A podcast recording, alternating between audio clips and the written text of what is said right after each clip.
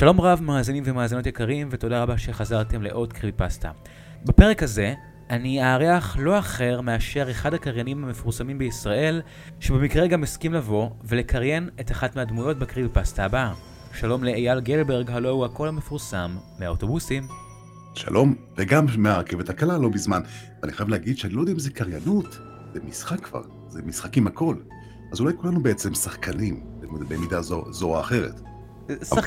שחקן, voice acting, כן, voice לגמרי. acting, ממש. voice acting. אז אני ויעל הכנו לכם קריב פסטה מטורפת עם voice acting מטורף, באמת שהכישרון של אייל, אה, יחד עם הסיפור שלי, יצר חוויה קריפית לחלוטין. אז אני נורא מקווה שתהנו, ואייל, שנתחיל? בוודאי. התחנה הבאה, קריבי פסטה. צפייה נעימה. אתם מאת אביכם השטן, ולעשות את תאוות אביכם חפצתם. הוא רוצח היה מראש, ובאמת לא עמד, כי אמת אין בו. מדי דברו שקר, ידבר מליבו, כי משקר הוא, ואבי השקר. מתוך הבשורה על פי יוחנן, פרק ח', פסוק 44. הכל התחיל כשהרכב הקודם שלי נעצר בצד הדרך.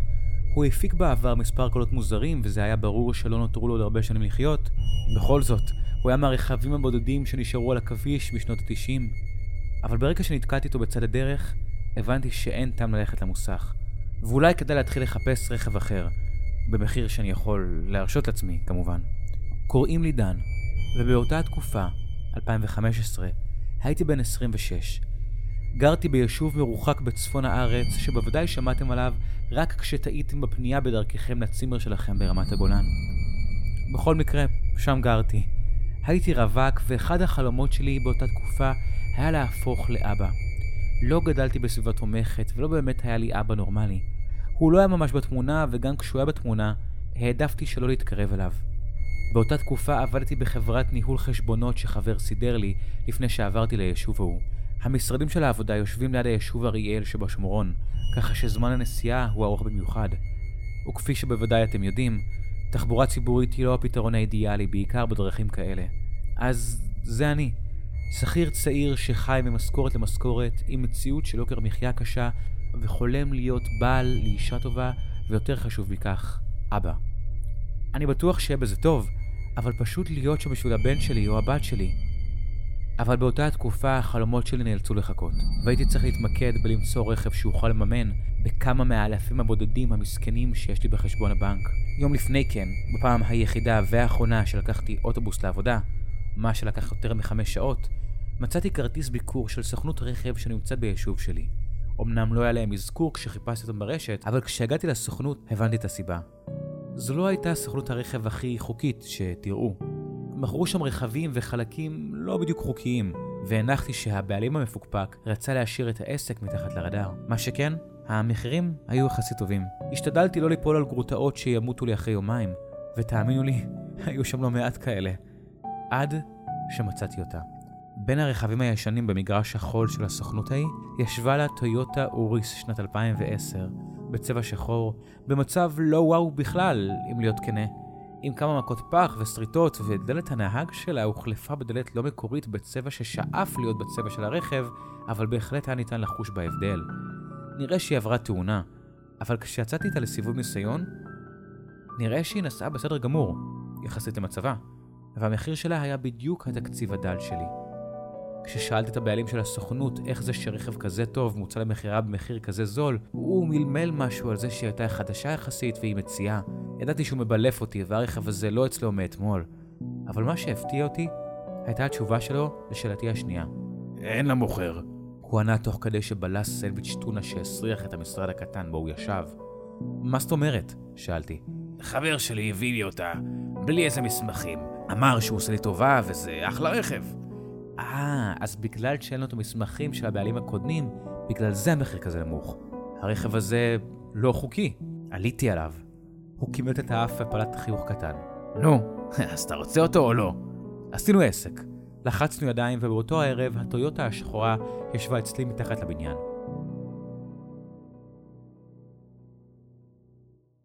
למען האמת, אני חושב שיצאתי עם עסקה די טובה. רכב כזה הייתי מוצא פי ארבעה או חמישה שם בחוץ. אבל נראה שהגורל מחייך אליי. לשם שינוי. בבוקר של למחרת התכוננתי לנסוע לעבודה שלי עם הרכב החדש והנוצ... טוב, לא הנוצץ, אבל התקין שלי. קמתי כהרגלי בחמש וחצי בבוקר כדי להספיק להיות במשרד בשמונה. זו הייתה משרת שמונה עד שמונה. מהבוקר עד הערב. ככה שכפי שאתם מבינים, בקושי היה לי זמן לעצמי. כשיצאתי מהדירה שלי לעבר הרכב, השמיים היו מעוננים. אני חושב שהתחלתי להרגיש טפטוף. מה שהפתיע אותי כי זה היה אמצע יוני. אבל מה שהפתיע עוד יותר, היה הרגע בו ניגשתי לאוטו החדש שלי, וגיליתי שדלת הנהג, הדלת המוחלפת, לא נפתחה. ניסיתי שוב ושוב לפתוח, אבל נראה שהיא הייתה תקועה. פחדתי להיות אגרסיבי מדי איתה. הרי רק אתמול קניתי אותה, והדבר האחרון שאני צריך זה מוסך. והבעיה הייתה שזה היה רכב ללא שלט, ככה שניתן להיכנס רק דרך פתיחה פיזית של דלת הנהג. נראה שהמתכת העקומה שלה תקעה את מנגנון הפתיחה. לבסוף, הצלחתי לפתוח אותה. תאמינו לו, אבל זה גרם לי לעיכוב בעבודה של שעה שלמה. חצי שעה בניסיון לפתוח אותה, וחצי שעה אקסטרה, כי לא הספקתי להקדים את הפקקים הקבועים. ככה שלא יצא לי בדיוק להתלהב מכל הפיצ'רים של הרכב, ודי הייתי עסוק בלנהוג מהר לעבודה, תוך כדי הצעקות של הבוס שלי בפלאפון. יום העבודה חלף באיטיות, ובשעה תשע בערב דרכתי מחוץ למשרד. האיחור מהבוקר השאיר אותי להתעסק בניירת נוספת. הייתי תשוש כשנכנסתי לרכב וחיכתה לי נסיעה של שעתיים. ואם זה לא מספיק, סופת גשמים ורעמים הכתה.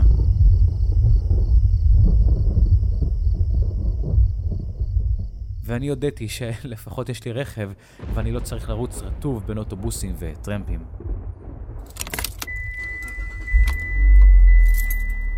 הנעתי את הרכב והתכוננתי לנסיעה הקשוחה הזו. הייתי עייף. התחלתי לחפש בין תחנות הרדיו של הרכב. אולי אני אקלוט איזה תחנה קצבית ומרעננת שתשאיר אותי ערני, אבל הקליטה במקום לא הייתה וואו. ותוסיפו על זה את מזג האוויר. זה מה שגרם לי להבין שהרדיו לא יביא לי את הגאולה, ואני כנראה ארדם על ההגה. שמתי לב שמעל מערכת הרדיו ישבה מערכת דיסקים ישנה, ולחשוב שזה שדרוג ברכב הקודם, ששם לא הייתה מערכת כזו. לחצתי על כפתור ההכנסה וההוצאה וקיוויתי שהבעלים הקודם השאיר איזה דיסק במתנה עם כמה שירים טובים, אבל שום דיסק לא חיכה לי שם. התחלתי לחפש ברכב. אולי בעל הסוכנות או הבעלים הקודמים השאירו פה דיסקים כלשהם, הרי מי כבר משתמש בדיסקים כשהם לא ברכב?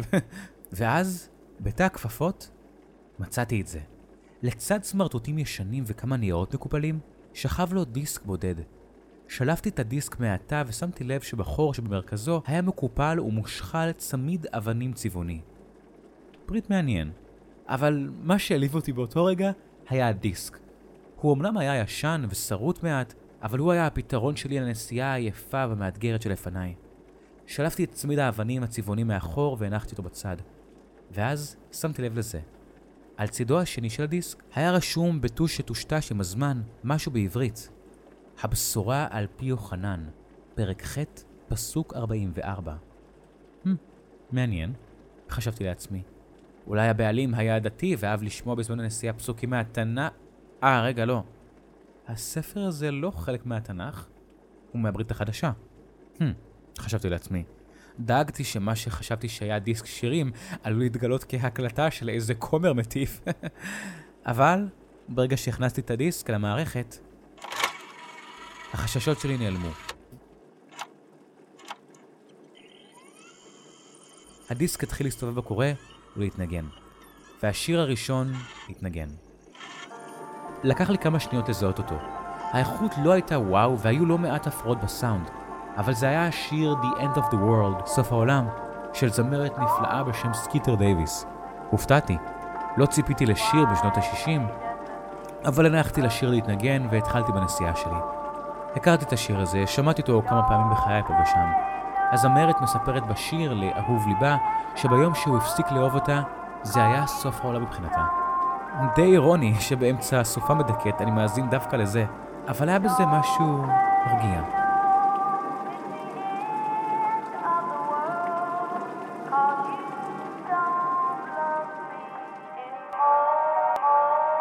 לפתע, כשהזמרת הגיעה למשפט Cause you don't love me anymore, בגלל שאתה לא אוהב אותי, הדיסק לפתע החל להיתקע.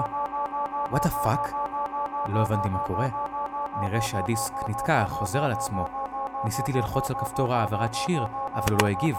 השיר המשיך להיתקע ולחזור על אותו המשפט של הזמרת. הגשם התגבר ופחדתי להתעסק במערכת הזו, כשהרעות בכביש כה מוגבלת. נתתי למערכת מכה קלה, זה לא עזר, אז הרמתי את היד ונתתי מכה חזקה יותר למערכת, והשיר נעצר. וואי, זה היה מוזר, חשבתי לעצמי. אבל לפני שהספקתי להתאבל על הנסיעה חסרת השירים שמצפה לי עכשיו כשהדיסק נתקע, שמעתי קול.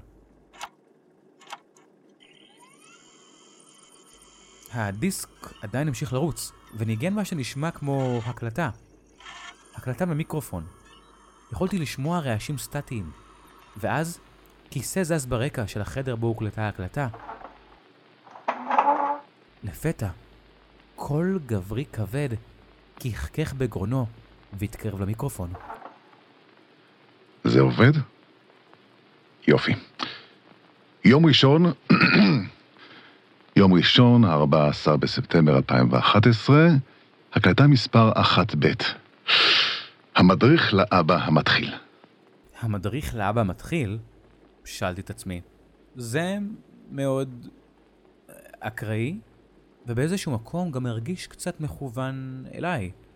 הקול הגברי המשיך לדבר. הבאנו אותה היום מבית החולים. את אמה. היא... היא פשוט מהממת. ליד מרגישה עייפה קצת, בכל זאת לידה של 20 שעות וטונות משככי כאבים שקדמו להם תשעה חודשים מהגיהנום. אבל כשאני מסתכל בפניה של אמה, ליאת וגם אני, אני מבין שהכל הופך את זה לשווה. אוקיי, זה ממש אקראי. הבעלים הקודמים של הרכב הזה נהג להקשיב למדריך הורים שאיזה בחור נהג להקליט? או שאולי האבא הוא הבעלים הקודמים של הרכב הזה? זה כבר יותר מסקרן.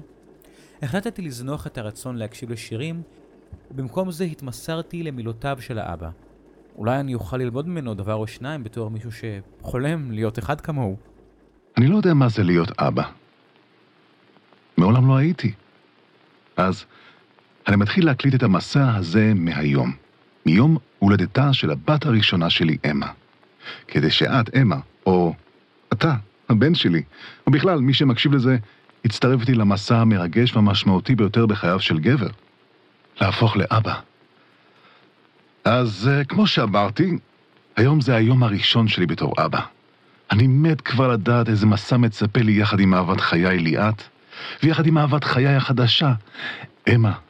אז כרגע כל מה שיש לי להגיד הוא שנולדה לי הבת הכי יפה בעולם, ולמרות שאנחנו מכירים רק כמה שעות, היא הבן אדם הכי אהוב עליי בעולם, בדיוק כמו ליאתי שלי. אז זה עד כאן להקלטה מספר אחת, אני הולך לנוח אחרי יום המרגש הזה. אני מקווה להמשיך עם היומן מסע הזה כמה שאוכל... עמוס, אתה יכול לבוא רגע? או, ליאתי אהובתי, צריכה אותי. עד כאן. הרעש הסטטי הפסיק, וההקלטה הסתיימה. משהו בקול של העמוס הזה גרם לי להרגיש בטוח. ולמרות העייפות, ומשהו בסיפור שלו גרם לי לרצות להמשיך עוד. לחצתי על הכפתור שמדלג לקובץ סאונד הבא. הפעם הוא עבד כי הרעשים הסטטיים של המיקרופון שלו חזרו. יום שלישי, ה-1 באוקטובר 2011, הקלטה מספר 2, בהמדריך לאבא המתחיל. אז uh, בפעם הקודמת אני מניח שהייתי די נרגש ונסער בעקבות הולדתה של בתי, עברו שלושה שבועות מאז, ואני לא יכול לתאר לכם במילים כמה אני שמח. אשתי ליאת מרגישה הרבה יותר טוב. אני והיא קיבלנו הערכה של חופשת הלידה מהעבודה, ואנחנו מנצלים את הזמן כדי לנוח בבית עם אמא שלנו. הערכה לחופשת הלידה? פש, יפה. הבוס שלי בחיים לא היה מאשר לי דבר כזה. להפך, אם הייתי הופך לאבא, הוא היה עושה כל מה שאפשר כדי לגרום לי לחזור למשרד כמה שיותר מהר. באיזשהו מקום קינאתי בעמוס ובחיים שלו עם ליאת ואמה, בלי אפילו להכיר אותו. רק הקול המאוהב והמאושר שלו גרם לי לרצות להיות בנעליים שלו. אז יש לי כבר לקח אחד שלמדתי בתור אב טרי, וזה להתכונן לכמה שפחות שעות שינה. כי אני אומר לכם, אם אמנם מקסימה, אבל בחיים לא התנהלתי עם כה מעט שעות שינה. אמה קמה כל חצי שעה בערך בלילה, פעם זה לנהוג, פעם זה אוכל, ופעם זה כי היא רוצה את אמא ואבא לידה. אני אומר לכם, זה משהו מיוחד. אה, כמה פעמים שלא אקום, ברגע שאני רואה את פניה הרגועות שהיא בין ידיי, כל העייפות והרגזנות שאולי נותרו בי נעלמים. בעיות העצבים שלי עומדות במקומן כמה שניתן. אני מרסן אותן, טוב יותר מבעבר. וזה בעיקר בזכות העובדה שאני מאוהב בילדה הזו, וגם באימא שלה. גם ליאתי מבינה את זה, ומסכימה איתי. אז עד כאן להקלטה השנייה, היה לי חשוב לשתף את זה כאן, אני ברשותכם זז לישון. כמה שאפשר. ההקלטה השנייה הסתיימה, והדיסק עבר אוטומטית להקלטה השלישית. יום, יום, יום שבת, החמישה ביוני 2012, הקלטה מספר אה, שלוש, במדריך לאבא המתחיל. ההקלטה השלישית הייתה במרחק של תשעה חודשים מההקלטה השנייה. Hmm, הופתעתי. עמוס, האבא הטרי הנלהב, שכח מהיומן המסע שלו למשך פרק זמן כה ארוך, שזה חייב לכלול איזושהי הצדקה או לפחות כמה לקחים טובים. זה היה מצחיק, אבל הרגשתי מחויב לתהליך שלו. כאילו, אני ממש עובר איתו את המסע הזה ביחד, והציפייה עלתה אצלי כשהוא נעלם לכל כך הרבה זמן. אני יודע שעבר הרבה זמן, אבל אני פשוט לומד כל כך הרבה. אמה כבר הולכת על שתיים. זה היה מרגש. לקחנו אותה לפארק מול הים ליד הבית שלנו, ממש על חוף פולג, והיא צעדה ברגליה הקטנות והנקיות שלה מידיה של ליאת. כמה צעדים קטנים עד שעטפתי אותה בידיים שלי. זה היה נורא מרגש. אין לי דרך לתאר לכם את תחושת הגאווה הזו. שחיים שיצרתם, עכשיו, כבר ילדה קטנה שצועדת אליכם עם רגליה הקטנות בחול. שערה הבלונדיני הקצר, ועיניה שכחולות יותר מהים. לידו היא צועדת. בכל מקרה, עוד מאורע שמח קרה. אני וליאת קנינו אוטו חדש. שנינו חזרנו לעבודה, והוצאנו את החסכונות שלנו על רכב חדש לנו ולאמה הקטנה. טויוטה יפהפייה בצבע שחור ודי חדשה, שנת 2010. עצרתי לרגע, מנסה להבין אם לא דמיינתי. החזרתי אחורה קצת את ההקלטה רק כדי לוודא. טויוטה יפהפייה בצבע שחור ודי חדשה, שנת 2010. אבל לא דמיינתי. טויוטה יפהפייה בצבע שחור. טוב, לא כל כך יפהפייה ולא כל כך חדשה, אבל אני נוהג ברכב של המשפחה המקסימה הזו, או לפחות רכב שהיה שייך להם. אנחנו די מרוצים. היא חדשה והצבע השחור מחמיא לה ממש. אין עליה אפילו שריטה אחת, ואני מקווה שליאת תשאיר את זה ככה. אבל אל תספרו לה שאמרתי, אה? בכל מקרה, אחת הפנטזיות שהיו לי וליאת, עוד שהיינו בתיכון, היה להיות מהמשפחות האלה שיוצאות לטיולים כמה שאפשר, שנוכל לצבור כמה שיותר חוויות יחד אמה. בכללי, לי ולליאת יש לא מעט חלומות ביחד. הכרנו בגיל 16 בתיכון. כבר אז ידעתי שאני הולך להתחתן עם האישה הזו. אחרי התואר, ליאת סיפרה לי שהיא בהיריון. שנינו הרגע יצאנו לעולם הגדול ובחרנו להמשיך יחד ולהקים משפחה. אז שבוע אחרי הבשורה, לקחתי אותה לצוג בנתניה, בשקיעה, וקחתי בפניה ברך. הייתם צריכים לראות את האושר שבעיניים שלה, ולשמוע את הצחחה המאושרת שלה כשהיא צעקה, כן! ליאתי? היא משהו אחר, אני אומר לכם.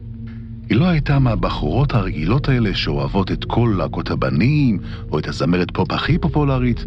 היא האאוטסיידרית. בדייט הראשון שלנו הלכנו לראות סרט אימה. שנינו היינו עם הסטייה הזו לעולם האפל. ליום הולדת 17 שלי, היא קנתה לי באיזה ספרייה ישנה את התנ"ך של השטן. לא שהתכוונתי להשתמש בו. ולמען האמת, גם אני הייתי ווירדו. התמודדתי בעבר עם בעיות אלימות קשות, וליאת שכנעה אותי ללכת לטיפול שדי טיפל בבעיה.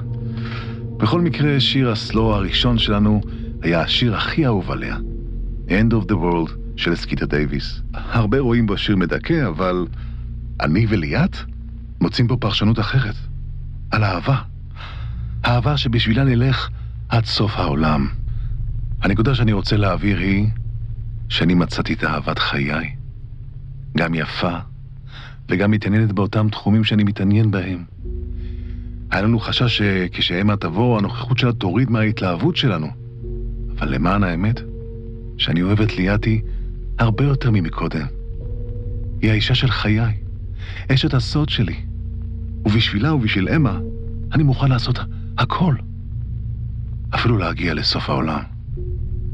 אז הלקח השלישי, אני חושב, זה שתדעו שאם האהבה האמיתית, הילד או הילדה שלכם רק תרים את האהבה הזו עם אשתך או בעלך למעלה.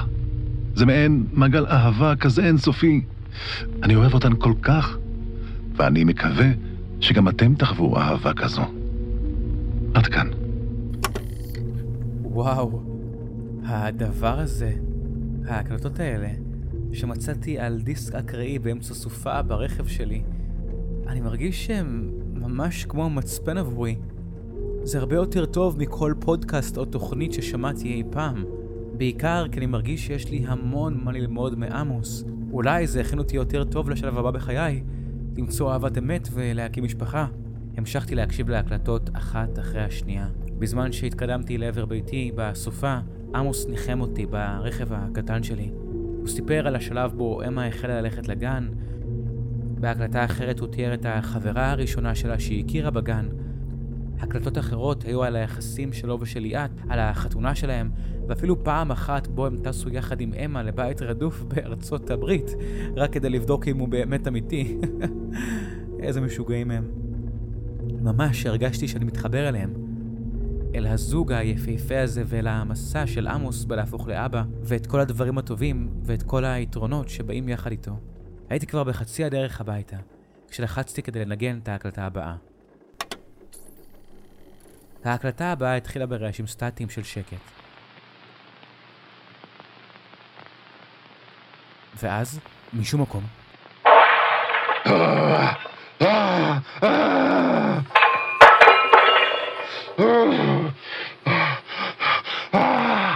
במקום לשמוע את קולו המאושר של עמוס, רעשים של מה שנשמע כמו רהיט שנשבר בכוונה באגרסיביות הציפו את הרמקולים. אני מקשיב, מוטרד ממה שאני שומע. הצרחות האלה היו של עמוס. אחרי זמן מה של שבירת כלים, צעדיו התקרבו לשולחן עליו נמצא המיקרופון.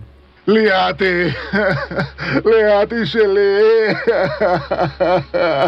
ליאתי, ליאתי שלי, ליאתי, ליאתי שלי. עמוס לא יכל להמשיך את המשפט, מבולבל ומודאג, כאילו ישבתי איתו באותו החדר, חיכיתי שירגע ויסביר מה פירוש התקף הזעם הזה. ליאתי! ליאתי!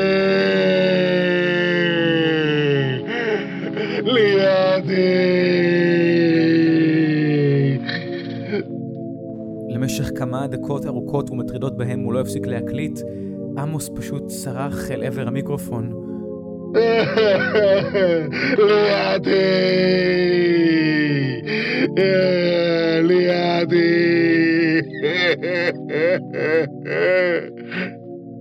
נבהלתי והעברתי להקלטה הבאה. רעשים סטטיים נשמעו שוב, נשימות כבדות ואיטיות התקרבו למיקרופון. יום ראשון, ה-1 בדצמבר 2013. כבר חודש שליד כבר לא איתי. אוי, לא, אוי, לא, לא, לא, לא, לא, לא, לא, לא, מה? אמרתי לעצמי, תוך כדי שאני מקשיב לקולו של עמוס. באותו היום התכוונתי להקליט לכם מדריך ולספר שאמה הביאה את הציור הראשון שלה מהגן. היא כישרון אמיתי זאתי. החזרתי אותה מהגן והיא הראתה לי ציור צבעוני שהיא ציירה בצבעי פנדה. שלי, שלה ושל... ושל ליאת. התקשרתי לליאת כדי לשאול אותה מתי היא חוזרת הביתה מהעבודה, כדי שאוכל לספר לה שיש לה הפתעה מהבת שלה.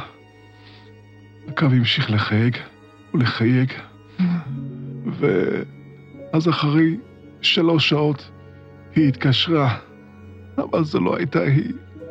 זה היה איזה רופא אחד, ו... והוא סיפר לי, הוא אמר לי לבוא בדחיפות לבלינסון, ו... זה לא נראה לי. איך שהיא שכבה שם. ואז הם כיסו אותה! ליאתי שלי! ליאתי, יו אלוהים! אני מתגעגע אלייך! ליאתי! הסתכלתי על הדרך, ותוך כדי ניגבתי את הדמעות שירדו מהעיניים שלי. מה, למה? איך? לפ... לפני רגע הוא סיפר כמה הוא אהב אותה. איך זה קרה לה? היא הייתה בדרך חזרה מהעבודה. באותו היום היא נשארה עד מאוחר. סופה קשה השתוללה בחוץ. היא נהגה בטויוטה החדשה יחסית שלנו, ומשום מה, איזה בעיה במצבר, גרם לה לעצור בצד הדרך. כל הפנסים שלה נכבו, והיא יצאה מהמכונית בצד הכביש מהיר, גשום וחשוך, כדי לקחת מהבגז' את הווסט הצהוב. היא פתחה את דלת הנהג, וברגע שעשתה זאת... נהג משאית בדיוק הסתכל בפלאפון שלו. הוא שם לב מאוחר מדי. הוא סטה מהר, אבל לא מהר מספיק. הוא דרס את ליאת שעמדה ממש מול הדלת הקדמית הפתוחה.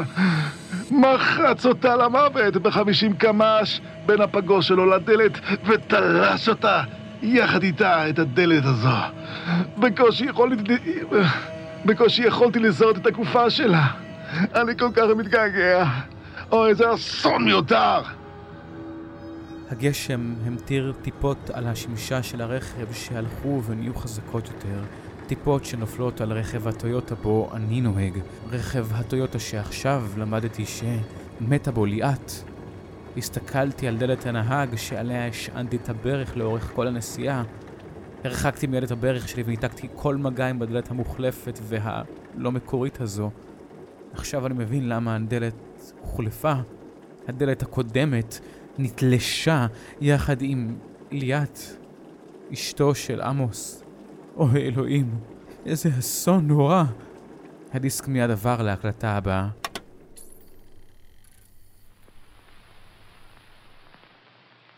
יום רביעי, 7 במאי 2014. שום דבר לא מרגיש נכון מאז שהיא לא פה. הביטוח של הרכב אמר שהוא יכול לזכות אותי במחיר שלו. אבל בחרתי לשמור את רכב הטויוטו ולתקן אותו. החלפתי את הדלת הקדמית ושיקמתי אותו. במחשבה זה אולי ישקם גם אותך, ליאתי. אבל את לא כאן. אני לא יודע איך להסתדר ליאת. אני לא יודע מה לעשות. הפסקתי לעבוד. אני יודע שאת לא תאהבי את זה, אבל הפיתוי היה קל מדי. הג'ין והוודקה הם הדברים שגורמים לי לשכוח מהמציאות הנוראית הזו. אני לא יודע אם את שומעת את זה. את יודעת שאני התגברתי על הדחפים האלימים שלי, ואני פשוט מאבד את זה. אני מבטיח לה שאני משתדל כמה שפחות, אבל לפעמים הבכי שלה, אני פשוט לא יכול לשלוט בידיים שלי. אני מבטיח שאני אפסיק להכות את אמה. בבקשה תבואי. אמה מתגעגעת לאימא שלה, ואני מתגעגע לאשתי. אני אעשה הכל. את יודעת, לפעמים בלילה אני מפעיל את השיר שלנו, End of the World, בתקווה שאולי את תבואי ותרקדי איתי. תזכרי, בובה, אני אלך איתך עד סוף העולם, רק כדי שתחזרי. ההקלטה נעצרה. ישבתי ברכב, פניי מזועזעות. מה קרה לו? למה הוא הפך? איזה... איזה איש מסכן. ריחמתי עליו, וריחמתי עוד יותר על אמה הקטנה שלא הגיע לה בכלל אבא כזה שאיבד את השפיות שלו ומכה אותה. בת כמה היא? שלוש? ארבע? זה לא מגיע לה, גם לא מגיע לו. אני מקווה שהיא בסדר. זה היה קשה, אבל הייתי חייב לדעת מה עלה בגורלם של עמוס ואמה, איך הם היום. הפעלתי את ההקלטה הבאה, והמצב לא השתפר. הנה, הנה, חכו רגע. עמוס התרחק ממכשיר ההקלטה. הוא נשמע... משהו לא היה נשמע תקין בטון דיבור שלו, ב... בהתנהגות שלו. הוא הפעיל את השיר שלהם, השיר The End of the World. הוא הפעיל אותו. אוי אלוהים. אתם תראו, זה השיר שלה. היא תבוא ותרקוד איתי. אתם תראו שהיא מגיעה. או ליאתי! ליאתי חזרה אליי. הנה היא הגיעה. היא פה בחדר איתי. ליאתי, מה שלומך? אני בסדר. אני כל כך אוהב אותך, ואני כל כך מתגעגע אלייך. בואי נרקוד לנו קצת.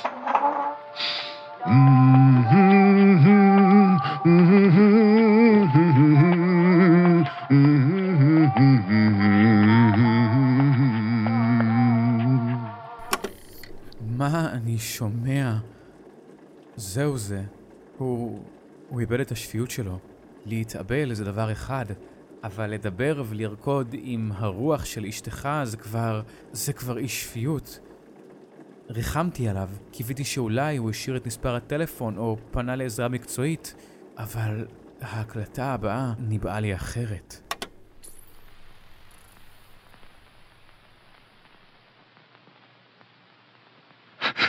יום שישי. טוב, זה לא משנה. תעזוב אותי, די. סליחה, זהו שוב. הוא מנסה להסיח את דעתי מהאמת. בכל מקרה, תאמינו, אבל אני הבנתי מה זה היה. המוות של ליאתי היה מתוכנן. בעמוד 45 בתנ"ך של השטן זה הופיע. הוא לא רצה שאני אהיה אבא. הוא לא רצה שנהפוך למשפחה ליאתי. הוא לא רצה את אמה. הוא לא רוצה אותי. אבל אל תדאגו, אני יודע איך להרחיק ממני את השטן. לפתע, בלי התראה מוקדמת, באמצע כביש בודד וחשוך, המנוע של הטויוטה שלי הפסיק לעבוד.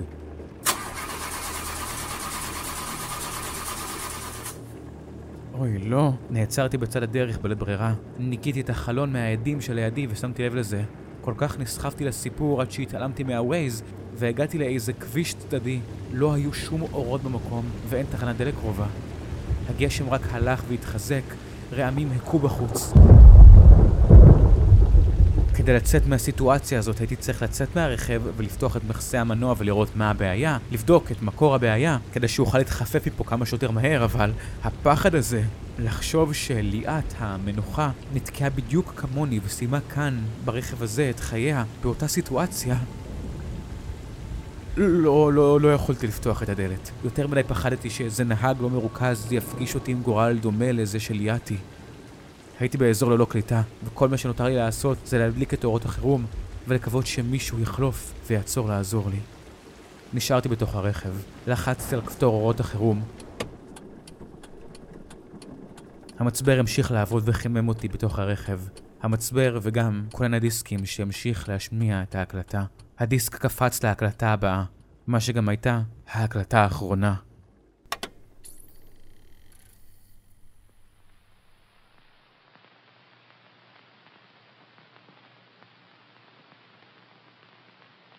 יום שבת, 7 ביולי 2015. המדריך לאבא מתחיל, הפרק האחרון. הקול של עמוס היה נשמע רגוע יותר הפעם. עברו כמה שניות של רעשים סטטיים ושקט מותח.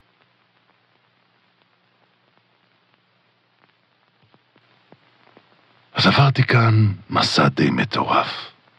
למדתי כמה חשוב שיש משפחה לצדך, וכמה רעים יכולים להיות החיים האלה. אבל מצאתי פתרון. השטן לא יגיע יותר למשפחה שלנו. ליאתי, אני סוף סוף מבין מה זה להיות אבא. להיות אבא זה לעשות הכל למען המשפחה שלך. אפילו ללכת עד סוף העולם, כמו שאני ואת תמיד אהבנו לשיר.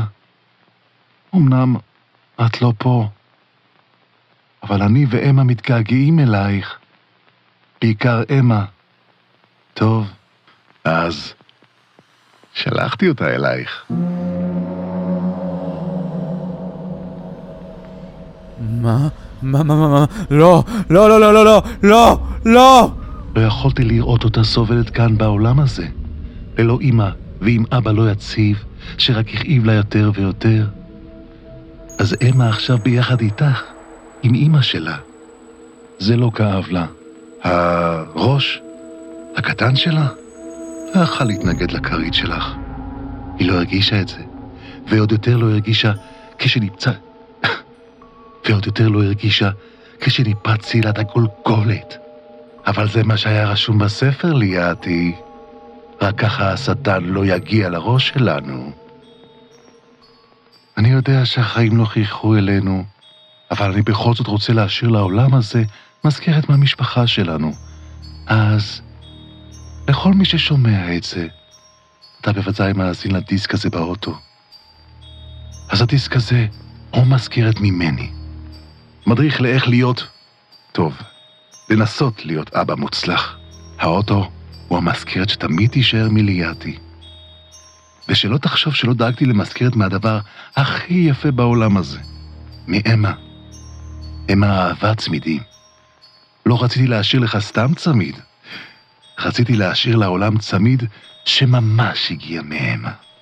ממש מתוך אמה עצמה. הוא יחכה לך בתא הכפפות ליד הדיסק. עכשיו ליאתי, השטן אורב לי ממש מעבר לפינה. הגיע הזמן שגם אבא יצטרף אליכם. ולך, מאזין יקר, זה היה הפרק האחרון של המדריך לאבא המתחיל.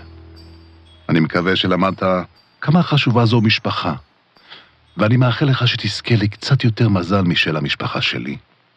ומה שלא תעשה, תאהב את המשפחה שלך, ותעשה עבורם הכל, אפילו ללכת עד סוף העולם.